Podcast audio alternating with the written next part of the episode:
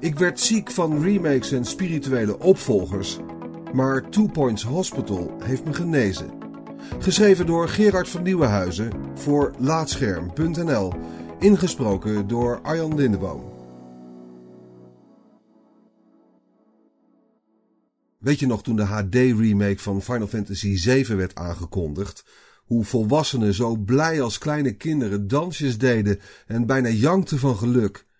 Ik wou dat ik het kon. Zo blij zijn met het feit dat een uitgever of ontwikkelaar mijn favoriete game opnieuw uit gaat brengen of komt met een mooi vervolg jaren na dato. Het lukt me vaak niet meer. Daarvoor is mijn hart iets te vaak gebroken. Maar toen. Bij de aankondiging van HD-remakes of onofficiële vervolgen zingen steeds dezelfde stopwoordjes en zinnetjes rond, waarna bij mij meteen de alarmbellen gaan rinkelen. Als de termen spiritual successor of reimagining vallen, bijvoorbeeld. Zegt de ontwikkelaar dit vanuit een eigen overtuiging of is het, wat veel vaker voorkomt, lui gebruik van een zinnetje dat mooi in een trailer past? Het wordt zo vaak gebruikt dat het haast alle betekenis heeft verloren.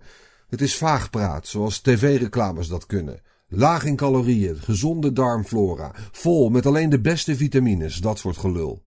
Het stoort helemaal als zulke termen worden gebruikt door een uitgebluste producer die zich overduidelijk aan het bedachte marketingscript houdt. Misschien komen dit soort zinnetjes je wel bekend voor. Dit is gewoon de game die we altijd wilden maken. We willen niet alleen oude fans blij maken, maar ook nieuwe verwelkomen. We introduceren een nieuw mysterieus personage dat... puntje, puntje, puntje. We hebben wat nieuwe features toegevoegd. Nee, nee, nee. Kom op, het is zo doorzichtig. Zeg gewoon waar het op staat. Deze franchise heeft zoveel fans en als een zeker percentage van die fanbase de game koopt, plus nog wat andere sukkels, dan halen we onze jaardoelstellingen. Kassa! Ondertussen ben ik door de wol geverfd als het gaat om franchises die van onder een laag stof zijn gehaald om vervolgens bespuugd te worden. Electronic Arts heeft het eigenhandig voor elkaar gekregen om Dungeon Keeper grondig te verpesten en SimCity te vernachelen. Atari deed hetzelfde met de laatste Rollercoaster Tycoon. Ik was er ziek van de afgelopen jaren. De bagger die deze bedrijven produceren blijkt gelukkig een gezonde voedingsbodem voor een tegenbeweging. Colossal Order liet met een klein team zien hoe citybuilding wel hoorde in City Skylines.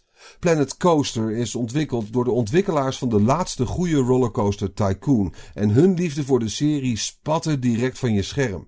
Maar het meest gecharmeerd ben ik nog wel van het aankomende Two Points Hospital. Dit spirituele vervolg op Theme Hospital met extra vitamines wordt gemaakt door ontwikkelaars die hun sporen hebben verdiend bij onder meer het ter ziele gegaane Bullfrog en Lionhead. Net als in Theme Hospital run je in Two Points Hospital een ziekenhuis en is het aan jou om de meest bizarre en humoristische aandoeningen te genezen.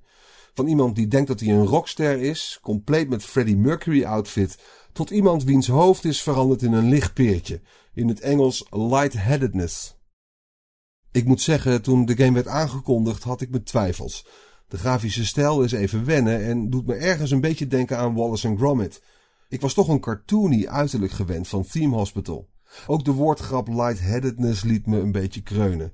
Mijn vader had die grap kunnen bedenken. Verder was er te weinig informatie om echt een mening over het project te kunnen vormen. Dus parkeerde ik het project in mijn achterhoofd met een mentale notitie om het in de gaten te houden. Door de tijd heen zijn er verschillende interviews verschenen en eigenlijk komt daar steeds dezelfde toon in terug. De ontwikkelaars weten dat ze een hommage aan het maken zijn, maar voegen daar ook hun ervaring aan toe. En de best practices uit de industrie van de voorbije 20 plus jaar. Dat in tegenstelling tot veel remakes die zo dicht bij de originele spelmechanieken blijven dat ze roestig aan blijven voelen. Two Points Hospital lijkt precies goed te schipperen tussen trouw blijven aan het origineel en vernieuwen. Een aantal spelconcepten die goed werkten in het origineel, zoals de karakteristieke patiënten, het hoge slapstickgehalte in elk detail en de stevige managementlaag, zie je direct terug in trailers en screenshots. Maar het is geen wet van mede en persen dat elk systeem terug moet komen in de game. Sterker nog, in een interview met IGN geeft een van de ontwikkelaars toe dat hij sommige systemen of ideeën uit het origineel zelfs vergeten was.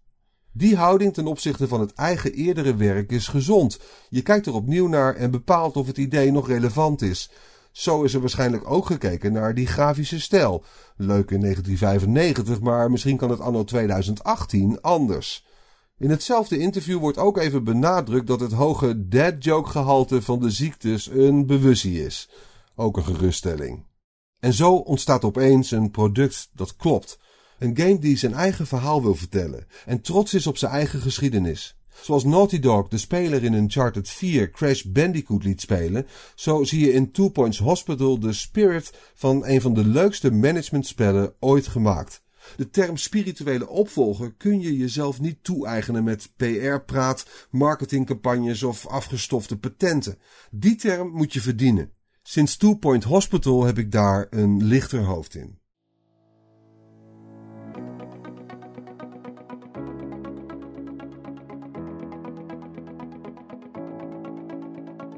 Dankjewel voor het luisteren naar deze aflevering van Laatscherm voorgelezen. Als je waardeert wat we hier doen, dan zouden we het leuk vinden als je iemand anders vertelt over laatscherm.nl of een van onze verhalen deelt op social media. Je kunt ook heel eenvoudig 5 sterren achterlaten in de podcast-app van Apple en eventueel een recensie, waardoor we weer beter vindbaar worden voor anderen. Luister ook naar onze andere podcast, Praatscherm, en ga voor meer verhalen, geschreven of gesproken, naar laatscherm.nl.